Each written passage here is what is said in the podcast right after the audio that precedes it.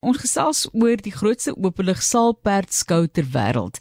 En die grootste ter wêreld die afgelope week in Bloemfontein, Kokkie de Villiers is die visiepresident van die Saalperd Genootskap en ook 'n professionele perdeafrigter en teeler van saalperde. Baie dankie dat jy by ons aansluit. Kokkie, waar is jy gebaseer? Hallo Martelies, is my lekker om met jou te kan praat. Ehm um, ek is bly in Peerston in die Oos-Kaap, klein plekkie, maar uh, hier gaan baie dinge aan. lekker. Hoe gewild is dit in daai deel van die wêreld in die Oos-Kaap hierdie sport? Wil jy nogal heelwat mense, ehm um, in in Peerston is myself en ook ehm um, Sumri Botha wat wat ehm um, meer spesialiseer in die afrigting van kinderryters en en jy weet so aan en dan ehm um, in Port Elizabeth is maar oral oor in Ooskaap. Eintlik is ons hele land ehm um, jy weet is uh, oral oor is daar maar mense wat belangstel, maar maar definitief in die Ooskaap is daar is daar baie. In Peerston is dit maar nou net ons twee wat professioneel afrig, maar daar's ook baie amateurs wat jy weet van hierdie area in Somerset oor Graafrenet en oral oor kom. So ja, dis baie gewild. Elke keer as ek die woord saalperd hoor, dan dink ek aan 'n perd wat hard werk. Vertel vir ons net wat maak 'n saalperd 'n saalperd? En ek meen jy kan nou sê seker maar die saal, dit is dalk ooglopend, maar vir mense wat 'n wat nie weet nie en ook die die kenmerke van so 'n perd. Weet jy hulle hulle kom ons nou baie uh uh wil ek weet uh, wild voor en vol vuur en so aan maar hulle is alles behalwe dit. Hulle is absoluut soos die ballerinas van die skoubaan en hulle is ongelooflik maklik om mee te werk want dit is 'n perd wat net altyd wil plesier en daar is soveel jy weet verskillende afdelings wat jy kan deelneem regtig van die professionele persoon af tot die amateur by die huis tot Ehm um, dit dit is regtig 'n perd wat vir enige iemand ehm um, die die doel kan dien en hulle is so veelsidig. Behalwe dat hulle skou, doen hulle ook dresseerwerk, hulle doen springwerk. Hulle doen enigiets wat jy vir hulle vra. Dit is wat hulle so wonderlik maak. Wat jy vir hulle vra, dit gaan hulle vir jou doen.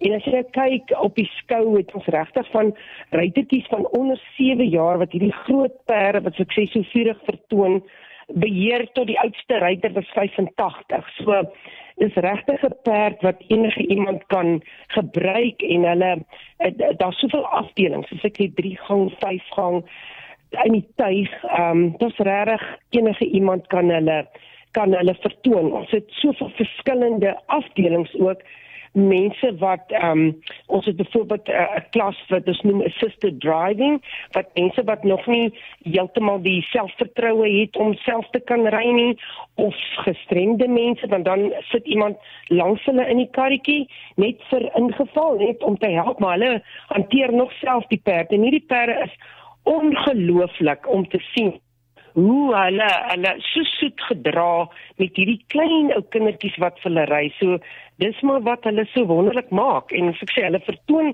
so vurig maar hulle is alles behalwe dit. Hulle wil net vir jou gelukkig maak. Dis al wat hulle wil doen. Die diere is 'n perd, wonderlike diere. Voordat ons kom by die skou self en die feit dat dit nou die grootste ter wêreld was, die openlig saalperd skou, hoekom is die sport van saalperdry so gewild? Ek maar dit is jy weet dis soos ek sê dit sluit almal in en en uh, dit is dit, dit is iets wat almal kan doen van die ma die pa die jy weet die kind almal. As jy nou kyk soos nou op Bloemfontein dis amper soos 'n dis absoluut 'n familie sport en 'n familie ehm um, genot wat almal kan geniet. Hulle braai vleis daar langs die baan en dit dis nie dis nie net die skou nie, dis alles wat daarmee saamgaan, die kameraderie en alles dit en almal ehm um, jy weet uh, is is deel daarvan en elkeen geniet dit en ja, so ek sê dit is maar 'n is 'n familiesport. Dis nie soos ander sporte wat sien maar ek nie sê golf nie, dis nie die man wat dit doen, maar maar dis nie dis nie 'n sport wat net die een persoon van die familie kan geniet nie. Die hele familie geniet dit. Ons het 'n voorbeeld soos op op op die SA's nou het ons 'n um, uh, stap draf klasse vir vir groot mense wat nou nog begin, maar wat dalk die gelop nog 'n bietjie meer te veel intimiderend vind. So daar's regtig 'n klas vir elke persoon. En as jy begin en dit soos ek sê, dis almal is welkom en dit dit sluit absoluut almal in. En ek dink die ontwikkeling ontwikkeling en verteenwoordiging in, in ons sport is iets wat ons nie spog wat ek dink baie min ander sporte kan nie spog. Ons het regtig ehm um, groot groot groot 'n uh, uh, uh, tree vorentoe gegee wat dit aanbetref. Dit is regtig verteenwoordigend van almal in ons land en ook toeganklik hopelik is daar mense wat meer en meer toegang kry ook tot hierdie sportkoekie. Maar vertel vir ons van die skou. Dit was nou die grootste ter wêreld grootste oopligsaal perdskou vertel vir ons daarvan. Dit het in Bloemfontein plaasgevind die afgelope week en ook sekerlik 'n groot sukses vir julle. Ja dit was absoluut 'n groot sukses. Daar het 850 perde deelgeneem en so 500 deelnemers soos ek sê van van wat regtig teenwoordigend van almal was.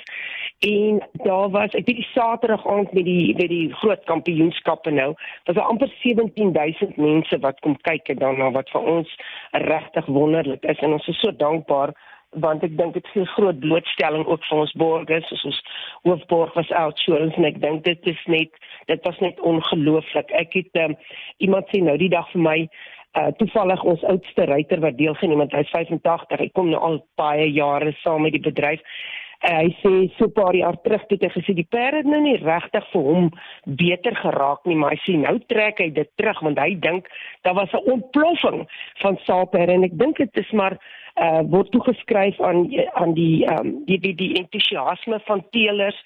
Ons het baie uh jy weet goed wat ons doen wat dit wat dit bevorder. Ons het teelers wat perde van oorsee af invoer, perde van ons wat uitgevoer word. Daar is verlede jaar se 2 jaar terug een uitgevoer. Ek dink daar word se jaar weer uitgevoer. So ja, ek ek ek dink dit dit dit is dis is wonderlik. Dit is regtig ons is baie opgewonde om die groei in ons bedryf te sien. Praatend oor hoe groei die getalle, hoeveel mense het dit bygewoon, hoeveel perde was daar ook? 850 saalperde en soos ek sê 500 mense wat fisies deelgeneem het.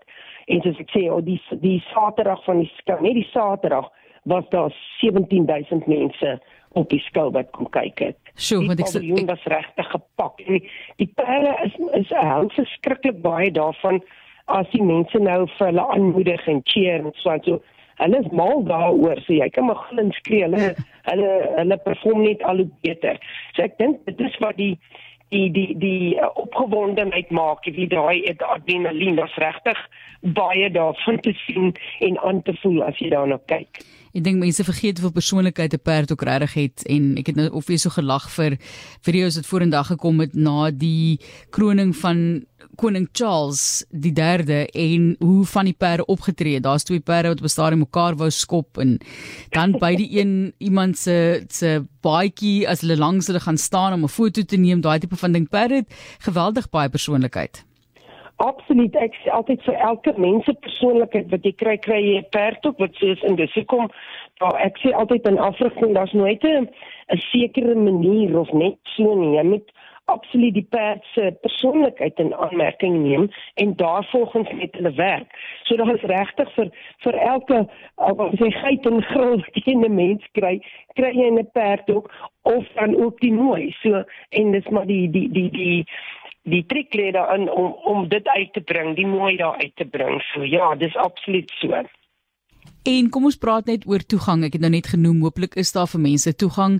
Jy weet om 'n perd aan te hou is 'n duur aktiwiteit kokkie. Dis nie maklik nie en 'n mens moet 'n perd koop en dan moet jy vir hom baie kos gee en vir hom mooi onderhou. So en hy het staan plek nodig. Jy moet elke dag daar wees. Jy weet dit is nogal intensief as jy besluit om dit wel te doen alhoewel dit baie baie ek dink positiewe dinge in 'n persoon se lewe inbring, baie positiewe aspekte in jou lewe inbring. Ek het so groot geraak met perde. Ons het elke dag gaan ry toe ek klein was. Maar dit is nie 'n goedkoop kan ek maar sê stokperdjie as jy met 'n stokperdjie begin nie. Ja, ek weet jy ek verskil nogal daar. Ehm um, ek dink af in wat jy weet hoe jy dit wil doen. As jy nou as jy nou op professionele vlak wil deelneem, dan op dan het jy mos nou 'n goeie perd nodig, moet sy die topvlakke en dan sal jy teen teen in so 'n perd by professionele afrigter laat staan. Maar jy kan ook so 'n perd by die huis hou en ek persoonlik dink nie dis duurder as ander sporte nie. Ek meen ehm um, ja, perd het tog nog net soveel maar ek dink ander sporte is is dalk nog duurder want jy moet so intoe ry, jy moet ook maar die regte die, die die nodige goed hê om dit te kan doen. So ek weet nie of dit of dit soveel duurder is nie vir alles hier soos ek sê as jy nou ehm um, en dis hoekom ons so baie afdelings het wat jy kan regtig kies wat jy wil doen. So ek sal nie sê dit is soveel duurder nie. Ehm um, en dan ook ek dink as baie goedkoper is medisyne vir depressie en al sulke dinge. Definitief. Dis my persepsie daarvan. Definitief. Nee, ek wil op jou aansluit Kokkie. Dis definitief die geval. Soveel voordele vir die mens om nader aan of meer met met met diere kontak te hê. Ek dink mense sien dit baie en ongelukkig omdat mense in stede is en en daai tipe van ding, jy weet, jy dink aan die aftreeoorde en swaan waar diere nie toegelaat word nie, ook vir regverdige redes, maar dit raak baie moeilik as 'n persoon nie meer 'n kat of hond kan aanhou nie, nie nog gepraat van 'n perd nie. Sal hom lekker wees om so 'n perdjie in die agterplaas aan te hou, maar daar's redes ook seker vir die reëls. Koekie, wat lê vir jou voor in hierdie jaar met Saalperd en die genootskap waarvan jy die visiepresident is? Wel ons ons poog om dit nog verder uit te brei en nog groter te doen en nog meer mense te laat jy weet eh, ehm uh, um, aansluit daarbey. Daar is ook geleenthede soos jy nou genoem as mense nou nie kan self 'n perd aanhou nie, dan kan hulle na stalle toe gaan en miskien jy weet 'n les gaan kry of dalk 'n perd hier of verskou en ek moet vir jou eerlik sê Stalperd mense is baie lief om om mense in te sluit. Ehm um, daar's baie geleenthede. Ek self het al baie geleenthede vir mense gegee wat nie perde het nie, maar sê kom ek, ek weet kom ry 'n perd van my en of iemand gebruik dalk nou vir daai tydperk nie 'n perd nie, stel dit beskikbaar vir iemand anders. So daar is geleenthede vir mense wat wat nie heeltemal dit kan bekostig nie. So ja, dit is ons dit is ons motto om te kyk hoeveel mense kan ons laat aansluit en insluit by ons bedryf. En buiten die groot skou is daar seker ander byeenkomste hierdie jaar? Definitief, daar's in elke ons het ons verskeie subunies wat ons nou noem. Uh en en elke subunie het het hulle skoue. So ja, daar's nog baie skoue in die jaar wat voorlê en um, nou in ons ons skoue begin nou maar meer hier in in die lente, weet September, Oktober, dan begin die skoue nou weer. Nou is die wintertyd, dis nou wanneer ons al die jong perdjies en die nuwe perde nou leer en afrig vir vir die vir die nuwe skoue wat voorlê. Sterkte met die afrigting. Dink aan jou met daai vulle en dit is Kokkie de Villiers hier op RSG. Heerlike dag vir jou daar in die wonderlike wêreld wat jy jouself bevind waar Saalperdry ook 'n groot sport is sê sy is as die visiepresident van die Staalperd Genootskap en ook 'n professionele perdeafrigter en teeler van Saalperde baie dankie aan Kokkie de Villiers